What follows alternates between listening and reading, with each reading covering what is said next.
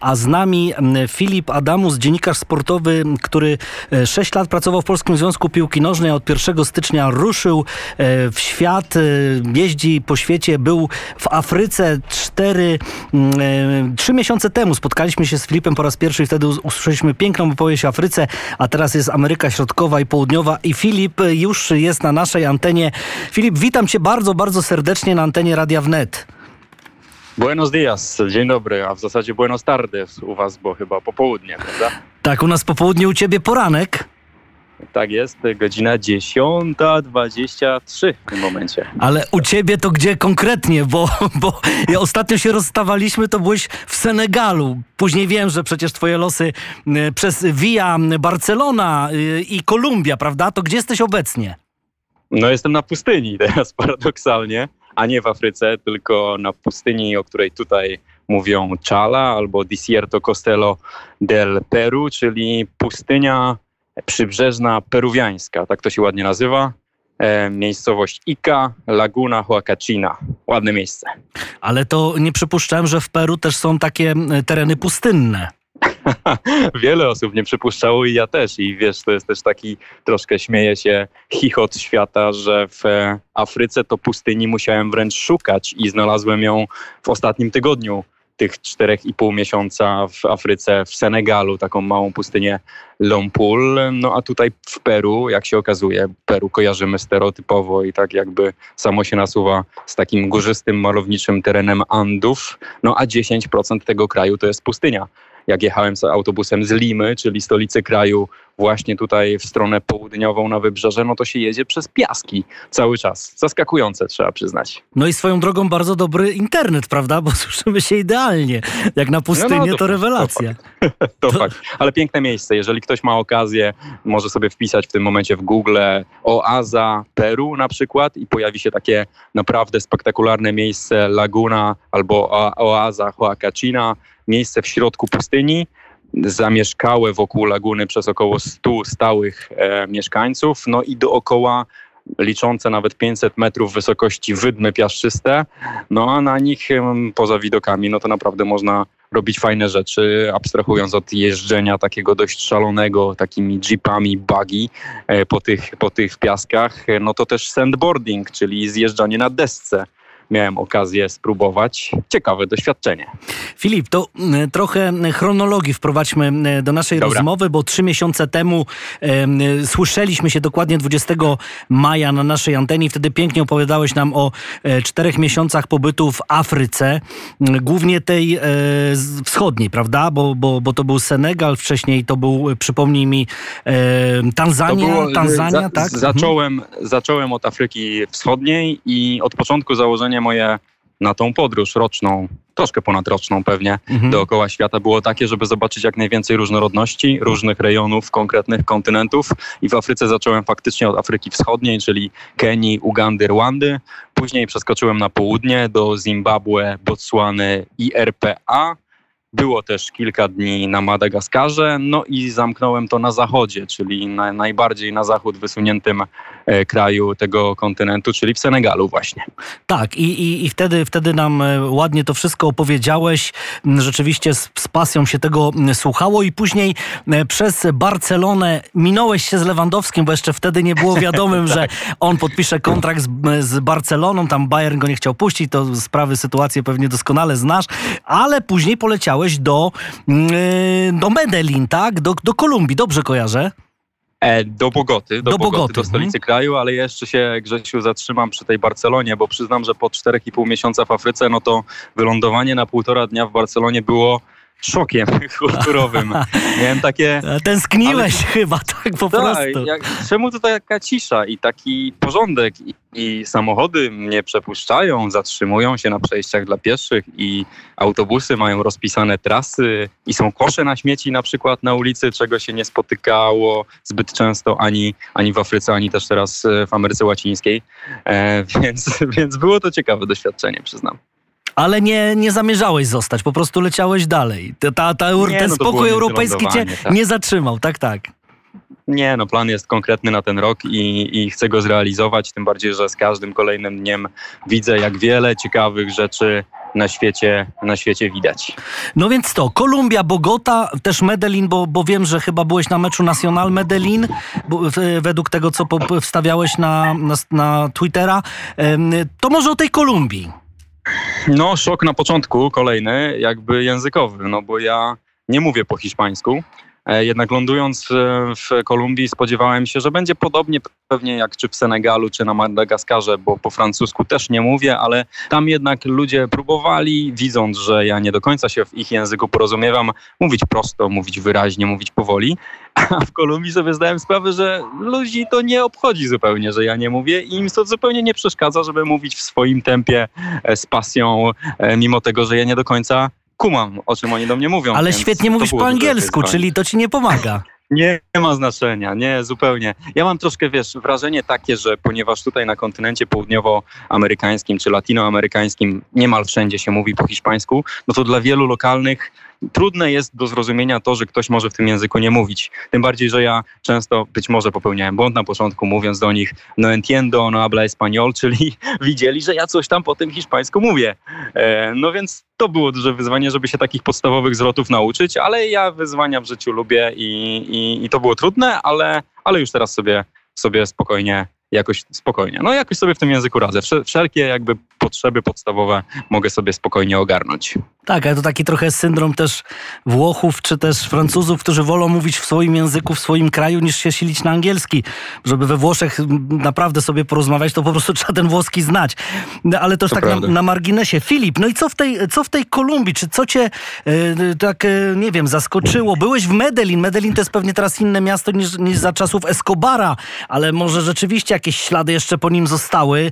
Nie wiem, może ktoś go wspomina lepiej czy gorzej. Wiemy, że Pamiętam taki dokument, że rzeczywiście Medellin za czasów e, jego działalności, no oczywiście tej złej, tej, tej, tej którą, którą wszyscy oczywiście negujemy, ale gdzieś to jednak to Medellin rozkwitało, prawda, że ludzie mieli zajęcie, nie wiem, że i klub świetnie grał, przecież Nacional Medellin wtedy zdobył Copa Libertadores e, i, i tak dalej, i tak dalej. Co, co, co, co teraz, co tam teraz się dzieje? No, dla mnie w ogóle Kolumbia w głowie już od czasów e, za dzieciaka, powiedzmy, to był Escobar, ale nie Pablo Escobar, ale Andres Escobar. Pewnie będziesz kojarzył okres Mistrzostw Świata w Stanach, 1994 rok. Zawodnik, który strzelił samobójczą bramkę w meczu z, ze Stanami Zjednoczonymi. No i niestety zginął z rąk jednego z zamachowców albo jednego z kibiców. Trudno powiedzieć, to nigdy nie zostało e, wyjaśnione. Właśnie w Mede Medellin, oni tak to ładnie e, wymawiają tutaj na miejscu, właśnie w Medellin. No i przez to siłą rzeczy stereotypowo mi Kolumbia się kojarzyła z miejscem nie do końca bezpiecznym, no właśnie. E, z miejscem, w którym się dzieją niefajne rzeczy. Jeszcze ten stereotyp serial Narcos bardzo mocno, Netflixowy serial, serial Narcos bardzo mocno mocno wzmocnił. No więc ja troszkę jechałem z takim założeniem, żeby zobaczyć Kolumbię z troszkę właśnie innej strony. Nie chciałem się koncentrować na tych miejscach. Nie chciałem absolutnie iść śladami Pablo Escobara, bo wiem, że dla mm, lokalnych, dla Kolumbijczyków to też był zły okres życia. Oczywiście jest Medellin samym spora część e, społeczności, która bardzo dobrze te czasy wspomina, no bo Pablo Escobar miał takie w cudzysłowie sprytne podejście, że sporo e, swojej społeczności lokalnej pomagał, żeby zyskać ich przychylność w tamtych czasach, no ale siłą rzeczy jest to no, ciemna strona historii tego kraju, która cały czas, której efekty cały czas widać w systemie społecznym, w tym braku zaufania, czy to do policji, czy to do służb, czy to do władzy. To się też przejawia w przestępczości, której statystyki co prawda cały czas maleją, no ale wciąż często rozmawialiśmy o tym w maju. Ja w RPA słyszałem na każdym kroku, że tam nie idź, tam jest niebezpiecznie, tam może lepiej nie, może lepiej odpuść. No to w Kolumbii jest podobnie. Mm. Osobiście mam troszkę tak, że ja generalnie ufam ludziom i lubię się czuć swobodnie i troszkę mi taka aura zagrożenia przeszkadzała, przyznam. Zresztą, e, jak się później okazało, słusznie, bo e, straciłem tam wszystko, co miałem przy sobie w pewnym miejscu, no ale już nie ma co do złych, złych momentów wracać, bo też, też to wynikało e, z mojego błędu i z jakiegoś takiego braku czujności na moment. Ale co, zostałeś, ok zostałeś okradziony, że tak spytam wprost? Tak, tak. No straciłem wszystko, co miałem przy sobie Ojej. w danym momencie. E, łącznie z paszportem, dokumentami, dwiema kartami bankowymi, ale, ale znów dzisiaj z perspektywy czasu traktuję to jako no, wyzwanie, które trzeba było ogarnąć, no bo jesteś na drugim końcu świata i nagle tracisz ważne rzeczy. No ale i co, wtedy, wtedy zostaje ambasada, tak? Polska w Bogocie? Tak, zostaje ambasada. Tutaj dzięki e, kumplowi jeszcze z czasów liceum udało mi się skontaktować bezpośrednio z konsulem polskim w Bogocie. Bardzo w porządku facet. E, no i, i, i udało się to wszystko ogarnąć, jeżeli chodzi o paszport. No to najpierw tymczasowy, później po miesiącu do Bogoty przyszedł wydrukowany w Polsce już paszport stały, więc wszystko mam już ogarnięte. Ale co ciekawe, i tutaj myślę, że dla słuchaczy mm, może być to wartościowa informacja, to nie paszport jest w takiej sytuacji najbardziej kluczową rzeczą, którą mamy przy sobie w tym momencie. Bo paszport, jak się okazało, można ogarnąć bez problemu, naprawdę. Trzeba oczywiście zapłacić około 500 zł za wyrobienie nowego i tak dalej, i tak dalej, ale luz, to jest do zrobienia. Z, tym, że ja bym musiał przerwać tę podróż, gdybym przed wyjazdem nie zostawił swojej siostrze upoważnienia na odebranie duplikatu polskiej karty SIM.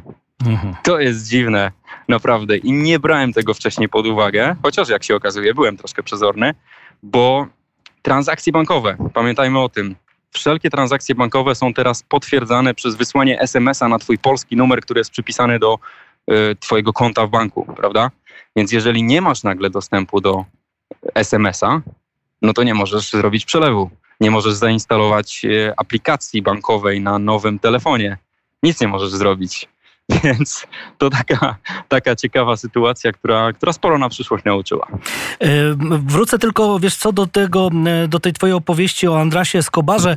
E, nie wiem, czy widziałeś, ja serdecznie polecam, gorąco polecam, bo, bo to jest bardzo dobra taka dziennikarska rzecz i dla kibiców i nie tylko.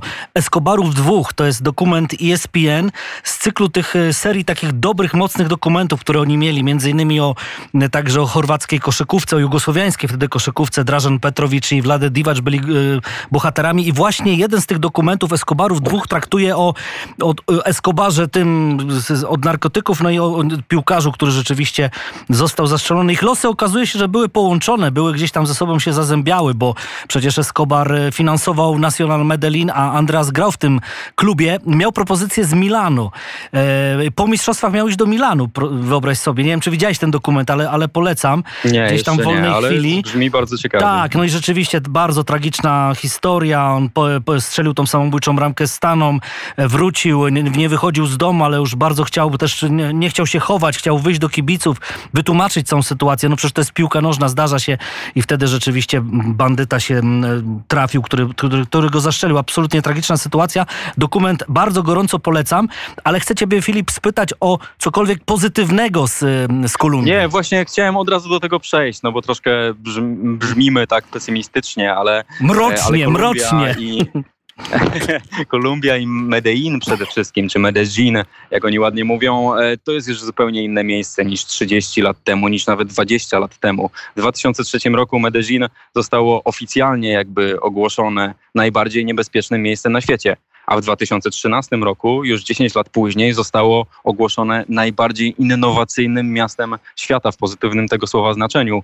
E, wyprzedziło takie miasta jak Tel Awiw, jak Nowy Jork nawet i naprawdę kiedy się teraz e, spaceruje po Medellin, no to ma się uśmiech na twarzy. Widzi się kolorowe miasto, które zostało naprawdę w ciekawy sposób od strony takiej społecznej na nowo ułożone, bo tam e, władze uznały, że trzeba mieszkańcom oddać troszkę więcej jakby wpływu na miejsce, w którym żyją i sama ta kiedyś okryta bardzo złą sławą dzielnica Komuna Trese, czyli Komuna 13, która jest tak położona na wzgórzu, wygląda dzisiaj naprawdę zupełnie inaczej. Jest kolorowa, jest tam mnóstwo sztuki ulicznej, jest mnóstwo y, jedzenia ulicznego, jest to wszystko żywe, artyści y, najwyższe na świecie, ruchome schody tam prowadzą, y, są małe boiska piłkarskie, jakieś małe takie outdoorowe siłownie, więc y, naprawdę to teraz żyje i to pokazuje, jak szybko można stosunkowo łatwy sposób, dając ludziom wpływ zmienić oblicze danego miejsca. E, Kolumbia zawsze piłkarsko stała dobrze lub bardzo dobrze lub nieco gorzej, ale, ale to... Źle to wspominamy, prawda? Tak, dokładnie, ale właśnie chcę się spytać, e, jakieś takie te elementy futbolowe, bo przecież my jesteśmy ludźmi piłki nożnej, ty pracowałeś wiele lat w Polskim Związku Piłki Nożnej i na pewno wszystkie te sytuacje są ci niezwykle, niezwykle bliskie. No tak. Ja zacząłem w Kolumbii od karaibskiego wybrzeża, czyli północy kraju, no i tam zwraca uwagę to, że na plażach, tak jak w Afryce, grają w piłkę wszyscy. No i to też, to też może mieć wpływ na to, jacy to później są piłkarze, no bo tacy zawodnicy, których pamiętamy jak Carlos Valderrama czy James Rodriguez, to są, to są ludzie, którzy na plażach grali sporo czasu. E, czy Radamel Falcao też pochodzi z północy, z Santa Marta, z rejonu właśnie karaibskiego wybrzeża E, więc y, to cały czas się działo w głowie. Później Medellin, no to tak jak mówisz, Atletico Nacional, aktualny mistrz e, kraju, chociaż to też ciekawe, że tutaj w Ameryce Południowej w każdym roku się wybiera dwóch mistrzów, no bo jest pierwsza połowa roku, sezon apertura i później jest jesienią druga część sezonu, która się nazywa w Kolumbii finalizacją, później w innych krajach to się nazywa klauzura. W każdym razie w każdym roku jest dwóch mistrzów. Pierwszym mistrzem w tym roku jest, jest właśnie medeńskie Atletico Nacional, ale kiedy ono wygrywało z Ibakę e, finał e, rozgrywek, to wtedy już byłem w Kali e, i tam oglądałem w telewizji ten, ten finał. No, to jest bardzo ciekawe i to jest różnica w stosunku do Afryki podstawowa, że tutaj w Ameryce Łacińskiej kibice żyją patriotyzmem lokalnym, takim sportowym. W Afryce no to mhm. głównie oglądali Premier League, Ligę Angielską, a tutaj a, żyje okay. się tym, co jest u nas tutaj. w mieście. To jeszcze tylko Filip, kończąc ten wątek piłkarski, też będę mm, proponował Ci, żebyśmy trochę podkręcili tempo. E, natomiast e, no, w tym roku niestety zmarł inny ze świetnych e, kolumbijskich piłkarzy, Freddy Rincon. 13 kwietnia 2022 roku zmarł niestety właśnie w Kali, w Kolumbii.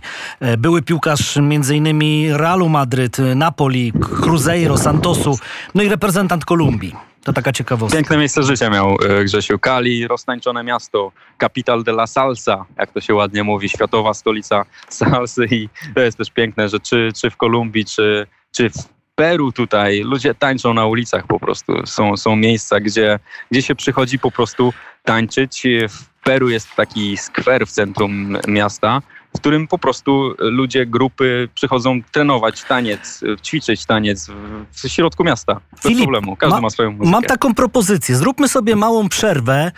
E, e, zespół z, z Częstochowo, o którym mnie prosiłeś, dziś jest, właśnie do naszego studia wszedł również częstochowianin, tak jak ty jesteś częstochowianinem, Miłosz Duda, nasz realizator.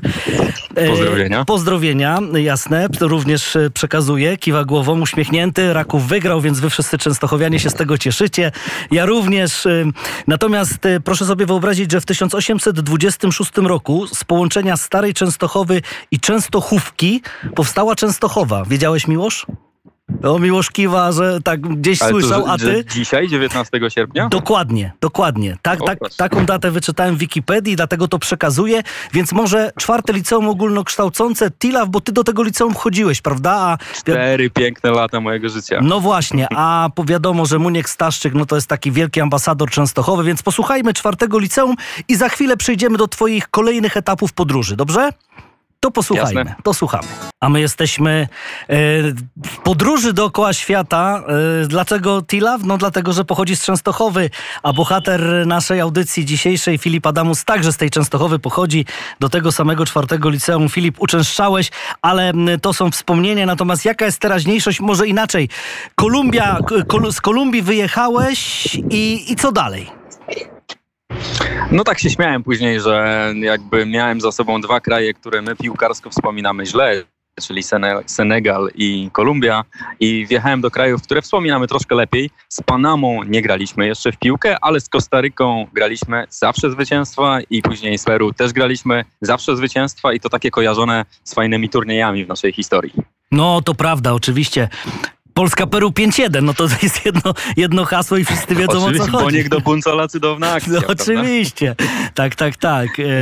Boniek, Lato, e, Boniek, Lato, Smolarek zaczął, e, Ciołek i Buncol z strzelcami bramek. Tak, tak. Tak, byłem pod stadionem Estadio Nacional del Peru e, w Limie. Niestety te stadiony tutaj wszystkie są wyzamykane totalnie, jeżeli nie ma żadnego meczu, więc nie da się wejść, nawet nie, nie można za bardzo robić zdjęć, ale byłem na tym stadionie w Peru, graliśmy e, pierwszy mecz z Peruwiańczykami w 77 roku, też wygrany swoją drogą, więc lepsze wspomnienia. No ale idźmy może chronologicznie. Tak, E, tak. Panama, To- e, o to pytałeś. No właśnie, właśnie, bo tak z Kostaryką rzeczywiście graliśmy, wygrywaliśmy z Panamą, nie, ale jak to w- z perspektywy twojej podróży, jak te kraje wyglądają? Ameryka Środkowa. No tak, Panama ym, amerykańska, więc siłą rzeczy piłka nie jest e, za bardzo na pierwszym miejscu, bardziej baseball, ale widziałem tam na przykład taki symptomatyczny obrazek, jak jeden samotny piłkarz sam sobie do pustej bramki na takim małym boisku strzelał w Panama City. No ten kraj zawsze mi się kojarzył e, z bardzo ważnym cywilizacyjnie miejscem na świecie, czyli kanałem panamskim, ale też sobie zdałem sprawę, jak tam przyjechałem, jak ja niewiele o tym kana- kanale wiedziałem, bo mi się wydawało, że to jest taki, wiesz, zwykły przekop 82 km przez kraj, a tu się okazuje, że to był cholernie trudny inżynieryjny projekt, Mhm. no bo tam na środku Panamy są wielkie góry i trzeba było się przez nie przebić. No Pierwsi jak- próbowali i- Francuzi, i- ci jak od kanału sueskiego, nie dali rady. Jak to właśnie zrobili? Opowiedz nam o tym. No właśnie, i to jest ciekawe, że Amerykanie na początku XX wieku, czyli też kupę czasu temu, jakby nie patrzeć, no ponad 100 lat temu, podeszli do tego zupełnie inaczej. Po prostu zdecydowali się jakby środek Panamy zalać wielkim jeziorem, zbiornikiem wodnym, zalewem takim. Ono, to się nazywa jezioro Gatun w tym momencie. No i teraz kanał panamski to jest tak naprawdę taki wodny most nad górami, bo statek wpływa od jednej strony, później jest śluzami podnoszony aż 26 metrów w górę, czyli wysokość 8-9 pięter takiego budynku, płynie sobie tym sztucznym jeziorem przez teren, teren Panamy 8-10 godzin, no i na koniec jest znowu opuszczany śluzami na dół, trzypoziomowymi takimi e, do poziomu morza po raz kolejny. Więc jak sobie zdamy sprawę, jakie technologie istniały 120 lat temu, no to musimy docenić to, co wtedy Amerykanie tutaj zrobili, a pomogli bardzo, no bo dzięki kanałowi panamskiemu dostanie się choćby z Europy e, do Azji, powiedzmy, to krócej o 22 dni, więc niesamowita oszczędność i kasy, i czasu. No, na pewno bardzo, bardzo ważna, ważna sprawa. E, no dwa takie chyba kanały, prawda? Suezki i ten panamski. To, to takie... Tak jest, tak jest. No i teraz tam 12-14 tysięcy rocznie statków przepływa przez kanał panamski. To jest bardzo ciekawe, jak się ląduje w Panama City i leci się nad tym, czy od strony Oceanu Spokojnego, czy od drugiej i widzi się te tankowce, czy te kontenerowce czekające jakby na swoją kolej, żeby, żeby do kanału wpłynąć, e, bo to też nie jest tak, że każdy sobie wpływa kiedy chce. No i też jakby nie patrzeć, Panama sporo z tego e, trzepie, trzepie, brzydko mówiąc, kasy. 45% PKB Panamy to są przychody z opłat za przypłynięcie kanału panamskiego, więc dlatego niewielkiego karaibskiego kraju to jest naprawdę, naprawdę istotna część budżetu. Filip, e, takie mm, sytuacje, które cię na przykład tam spotkały, Panama, Kostaryka, przede wszystkim na pewno czułeś się bezpieczniej, bo tak mi się wydaje, niż, niż w Kolumbii. Oj tak, odetchnęło się. To No, prawda, no właśnie, prawda. czyli to czuć, tak? Nie wiem, może ci ludzie bardziej uśmiechnięci, czy cokolwiek, jak, jak, jak to widzisz w sensie Ale takim to też nie jest tak, Mhm. Grzesiu, że jakby w ludzie, ludzie w Kolumbii są mało uśmiechnięci, No, czy mniej radośni no właśnie, jednocześnie. tak, Więc, więc to, to, to znów, ja, ja miałem pecha, jeżeli chodzi o tą kradzież i sam popełniłem swoje błędy, ale absolutnie nie chciałbym, żeby wybrzmiało, że Kolumbia jest jakimś strasznym krajem, bo jest krajem pięknym też od strony przyrodniczej. Naprawdę jest tam mnóstwo miejsc, które warto zobaczyć. No ale idźmy do tej Ameryki Środkowej. No więc Panama mi się będzie kojarzyć z no naprawdę fenomenalnym archipelagiem wysp San Blas, 365 wysp, wysepek. Może kojarzysz, jak w podstawówce rysowało się wyspę. No to się rysowało taki mały ląd, Aha. jedną, dwie palmy i Tak. tyle. I, No to- to i wieloryba, na- który podpływał. I wieloryba, który podpływał, tak, tak. I to jest dokładnie San Blas. Tam są takie wyspy. Pływasz sobie między nimi. Naprawdę przepłynięcie jachtem po, po archipelagu San Blas musi być fenomenalne. I widzisz takie małe, niezamieszkałe wyspy zupełnie z jedną, dwiema, trzema palmami. I pływałeś między tymi wyspami? Tak, miałem taką Mhm. okazję, ale nie jachtem niestety, bo miałem niewiele czasu na to. Troszkę sobie za mało czasu przewidziałem właśnie na, na Panamę i Kostarykę, ale to się nadrobi spokojnie. No, a Kostaryka, no to przyroda, no to dżungle, to jest po prostu niesamowite, jak to wygląda. Tam jest e, ponad 500 tysięcy różnych gatunków. Na małym kraju 4% wszystkich gatunków istniejących na świecie można spotkać e, w Kostaryce, więc naprawdę bardzo du- dużo patrząc na powierzchnię tego kraju. E, Kraju, który jest jednocześnie pacyficzny i karaibski, przez to też tam- jest kilka różnych e, stref klimatycznych w samym kraju. Pada oczywiście deszcz często, ale jest też ciepło. No i te dżungle robią ogromne wrażenie. Chodzisz po dżungli, a tutaj sobie leci ara oliwkowa, taka wielka Mhm. zielona papuga po prostu. No to jest niesamowite. E, Leniwce e, też bardzo śmieszne i bardzo ciekawe zwierzęta, czy małpy. Małpa wyjec to jest naprawdę ciekawa sprawa, no bo dźwięk wydawany przez małpę wyjec, małpę wyjec e, to jest tak zwane howler monkey, jak to się mówi po angielsku, został wykorzystany później czy w grze o Tron w serialu, czy w Parku Jurajskim do jakby naśladowania ryku dinozaurów. Więc, więc wyobrażasz sobie, jak to jest, jak jesteś w środku dżungli, bo trudno nie być w Kostaryce w dżungli, e, a tu nagle takie dziwne ryki z góry słychać. E, Polecam sobie znaleźć w internecie, bo to naprawdę robi duże wrażenie. E, No Kostaryka jest zdecydowanie tym miejscem, które sobie zaznaczam w swoim notatniku jako to, do którego trzeba wrócić na dłużej zdecydowanie. Mhm. E, Podesłałeś mi taką małą ściągę z, z Twoich notatek i, i tutaj e, czytam między innymi także e, o kuchni, o tym, o tym e, z, z Street food tak, ale także, ale także mm, e, nie wiem, tutaj piszesz, piszesz o, o różnych rodzajów mięsa, ryb. Właśnie jak, jak, z jaką kuchnią się tam spotkałeś? Bo pamiętam, jak opowiadałeś o Afryce, to było bardzo różnie, czasami coś cię mega zaskoczyło, a jak to jest z kolei właśnie w Ameryce mm, Środkowej? Tu jest ryż wszędzie. Ja już mam, ja już mam troszkę dość ryżu, y, mimo że go zawsze lubiłem i lubię, ale no jak do każdej potrawy dostajesz ryż, no to już w pewnym momencie masz, e, masz dość. E, To, co wspomniałeś, street food, czyli jedzenie na ulicy, to zwraca uwagę zdecydowanie. Nie we wszystkich krajach z drugiej strony, no bo na przykład w Panamie tego tak dużo aż nie było jak w Kolumbii, czy tutaj przede wszystkim w Peru. No i Peru, no to króluje na razie kulinarnie. Mhm. Ceviche, pyszna rzecz, e, czyli surowa ryba w takim sosie z limonki, z cebulą. Polecam coś takiego e, zrobić. No ale tych potraw tutaj jest, jest naprawdę bardzo dużo. Czy desery słodkie, naprawdę coś takiego jak e, kachangas. Polecam e, w, w, w 100%. To są takie placki z nadzieniem serowym. Serwowane tutaj, co ciekawe, z różnymi ostrymi sosami. Oczywiście na ulicę za, za parę złotych dosłownie. Można sobie coś takiego przekąsić, siedząc na taborecie przy stoisku. To jest całkowicie tutaj naturalne. No i jest też coś, co kusi mocno, czyli coś, co się nazywa. Em, Jest to świnka morska. Do jedz- Właśnie ciekawie do jedzenia?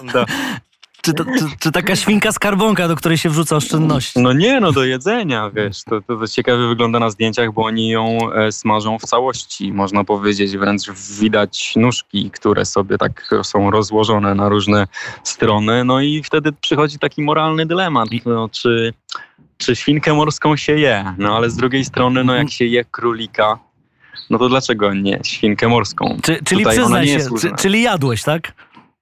No spróbowałem. A, no właśnie. Przyznam, że spróbowałem. Było to bardzo ciekawe doświadczenie. E, I znów nie tyle kulinarne, co takie mentalne, żeby samego siebie przekonać do tego, że skoro jedzenie wspomnianego królika jest ok, ja, ja rozumiem całkowicie, że dla wielu nawet jedzenie królika, czy świni, czy krowy jest bardzo nie i, i to jest całkowicie zrozumiałe. E, No niemniej trzeba było to w głowie przestawić, no i smakuje jak taki, taka, taka wieprzowina, e, troszkę bardziej twarda powiedzmy. No tak. Ciekawe jeszcze a propos tych wegetarian, może to wspomnę tutaj w Ameryce Południowej, bo e, jest tutaj w ogóle dużo więcej podróżników niż w Afryce. To jest po, podstawowa różnica. No i wielu z tych podróżników jest wegetarianami w tym momencie i oni tutaj mają też problem z tym, bo w Ameryce Południowej jakby wegetarianizm nie jest czymś popularnym i często, gdy ze znajomymi spotkanymi tutaj szedłem do restauracji, oni pytali o potrawy wegetariańskie, no to dostawali pytanie zwrotne, że aha, okej, okay, mięsa nie jesz, ale kurczaka tak. no tak, to tak jak w Argentynie steki, prawda? No są wszędzie. No. dokładnie, dokładnie, więc ryż i mięso. Wegetarianie mają trudniej, no bo jedynie co mogą dostać często to niestety ryż z jajkiem sadzonym i sałatką i to tak codziennie, trzy razy dziennie. Ale Filip, ty jest wegetarianem, wegetarianinem nie jesteś, więc, więc nie będę już cię dalej ciągnął. Natomiast e, chcę e, przeskoczyć, bo zostało nam mniej więcej pięć minut, czyli tak, z Kostaryki przenosimy się, wracasz do, do, na kontynent południowoamerykański i to jest Ekwador, Peru, tak? Czy, czy od razu Peru? Nie, Ekwador nie, od razu Peru, od razu było lądowanie w Limie, w której to Limie zrobiłem sobie urlop to jest śmieszne może i to brzmi tak. dziwnie. Urlop w podróży dookoła świata, no podróży, no właśnie. Ale urlop od podróżowania. Jakby e, poczułem coś takiego, że, że mój organizm potrzebuje bycia w jednym miejscu przez jakiś czas.